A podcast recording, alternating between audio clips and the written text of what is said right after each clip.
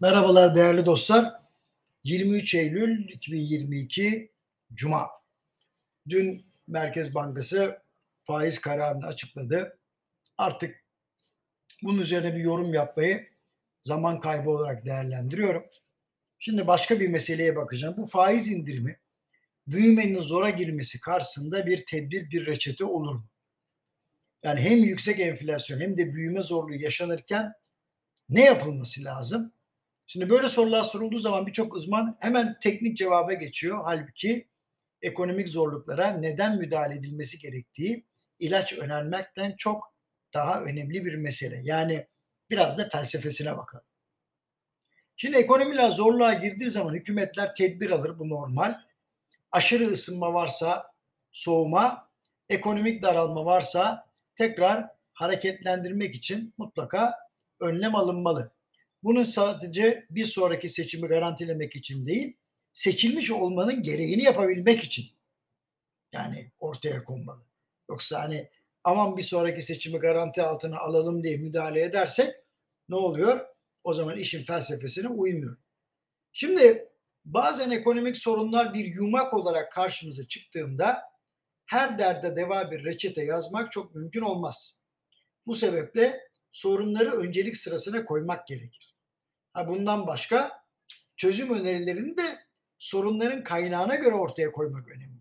Bunun için geçmiş tecrübeler ve ekonominin kabul görmüş bilimsel yaklaşımlarını dikkate almak elzemdir. Elbette geçmişte yaşanmış her tecrübe, her kabul görmüş bilimsel yaklaşım da tecrübe ettiğimiz her zorluğun düzelmesine fayda sağlamayabilir. Ancak bu durum rasyonellikten uzaklaşmaya davetiye çıkarmamalı her zaman söylediğimiz gibi bilim, gözlem ve deneye dayalıdır. Ortaya çıkan sonuçlar matematikle rasyonalize edilir. Fakat matematik formüllerle üretilmiş çözümler eğer gerçek hayatta geçerliliği test edilmemiş ise varsayımdan öteye geçmez. Ayrıca denenmiş ve çalışmadığı kanıtlanmış yaklaşımların ısrarla tez, teori ya da model olarak önerilmesi rasyonellikten uzak davranışlardır diyebiliriz. Ekonomiler zor durumdayken hükümetlerin para piyasasından menkul kıymetlere, mal ve hizmet piyasasından dış ticarete kadar müdahalesi son derece doğal ve makul karşılanması gereken bir durum. Ancak söz konusu müdahalelerin piyasa mantığı dışında yapılması durumunda sosyoekonomik yan etkilerinin hesaba katılması gerekir. Bazı ekonomilerde küçük tasarruf sahiplerinin COBİ'lerin ve sabit gelirli vatandaşların güçme, güçlenmesiyle düzelme başlar. Bazı ekonomilerde ise ekonomik faaliyetler dengeli dağıtılmadığı için menfaat gruplarının güçlenmesi kurtuluş reçetesi gibi gözükür. Şimdi burada önemli olan siyasetin hangi amaca hizmet ettiği ve çözüm konusundaki yaklaşımıdır. Gelir dağılımının düzeltilmesi, hayat pahalılığıyla mücadele, adalet, eşitlik, özgürlük, tam demokrasi, eğitim kalitesi, rekabet gibi reformist konuları önceliğe alan bir hükümetin ekonomik zorluklara ürettiği reçete elbette daha uzun vadeli, sabır isteyen ama değer yaratan bir tarzda olacaktır. Kısa yoldan çözüm isteyenler ise uzun vadeli büyük sorunları yaratacaktır. Hafta başında YouTube'da paylaştığım gibi her sabah kalkıp şartlara göre çözüm belirleyen ve bu şekilde topu havada tutan iş adamına benzeyen şekilde sadece günü kurtarmak için bahane yönetimi yapmak siyaset üretene uzun vadede kazanç sağlamaz. Çünkü şartlar kötüleştikçe müdahale imkanları azalır.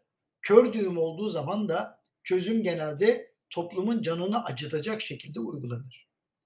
Acı reçetenin bir sonraki iktidara bırakılarak geri dönüş hazırlığı yapmanın ne kadar başarılı bir yaklaşım olduğu da tartışmaya açıktır. Elbette her iktidarın bir stratejisi vardır. Ancak söz konusu stratejinin taktik hamleler ile desteklenmesi gerekir. Ancak strateji pozisyonu sağlamlaştıralım sonra bakarız şeklinde oluşursa hiçbir taktik hamle yanlış istikametten kurtulmayı sağlamaz. Çünkü böyle bir yaklaşım olsa olsa bir plan olur. Planlar tutsa da arzu edilen ortam oluşmayabilir. Tarihte bunun çok örneği vardır. Stratejinin başarılı olması için paydaşlarının haberdar olması, inanması ve doğrudan parçası olması gerekir.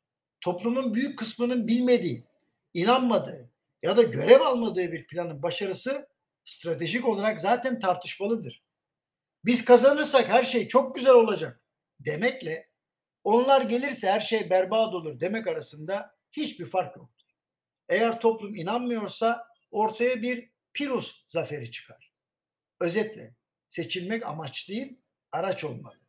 Amaç da mutlaka topluma fayda üreten düşünceleri içermeli. 21. yüzyılda özgürlük, adalet ve eğitim üzerinde kısıtlayıcı tasarımlar kullanmak, piyasa kurallarını uzun süre ihlal etmek, ayrıcalıklı sınıflar üzerinden çözümler üretmek nihayetinde gerginlik ve şiddet yaratır. Bu gelişmenin istenmeyen sonucu doğal ya da sonradan yaratılmış kimlikler üzerinden yaratılan çatışmalardır. Kendi yarattığı sorunu çözerek ortalığı sakinleştiren siyaset tarzıyla hak ve özgürlüklerin eşitlikçi bir şekilde dağıtılmayacağı tarihe bakılınca net olarak görülmektedir. En başta söylediğim gibi ekonomiler zorluğa girdiği zaman müdahale etmek doğaldır. Ancak müdahale tarzını siyasete fayda üretecek şekilde tasarlamak tehlikelidir. Sorunu çözmek ya da hafifletmek için değil, yükü birilerinin sırtından alıp diğerlerinin üzerine koymak şeklinde üretilen reçetenin kimseye faydası yoktur. Yükü ya adaletli bir şekilde dağıtmak ya da bir süre tamamen devletin üzerine almak gerekir. Zaten devletin varlık sebebi de budur. Son olarak dostlar, doğruluğu gözlem ve tecrübeyle tespit edilmiş, kabul görmüş gelişmeleri matematik marifetiyle yok saymak, makineler ya da binalar için değil, insanlar için fayda üretilmesi gerektiğini unutmak, sevmediğimiz insanların doğru söylemlerini görmezden gelmek ya da aksini ispatı çalışmak sadece siyasetin değil, maalesef meslektaşlarımızın da düştüğü tuzaklardan bazıları. Hayatı doğru okumak, sağlıklı amaçlara sahip olmak, mesleki körlüğe düşmemek, tecrübeye saygı duymak, sorgulamak ve en önemlisi kişinin aklı başında insanlarla istişare etmesi itibarın anahtarıdır. Şimdi bu söylediklerim çerçevesinde faiz kararını isterseniz bir kez daha değerlendirelim. Hepinize iyi bir hafta sonu diliyorum.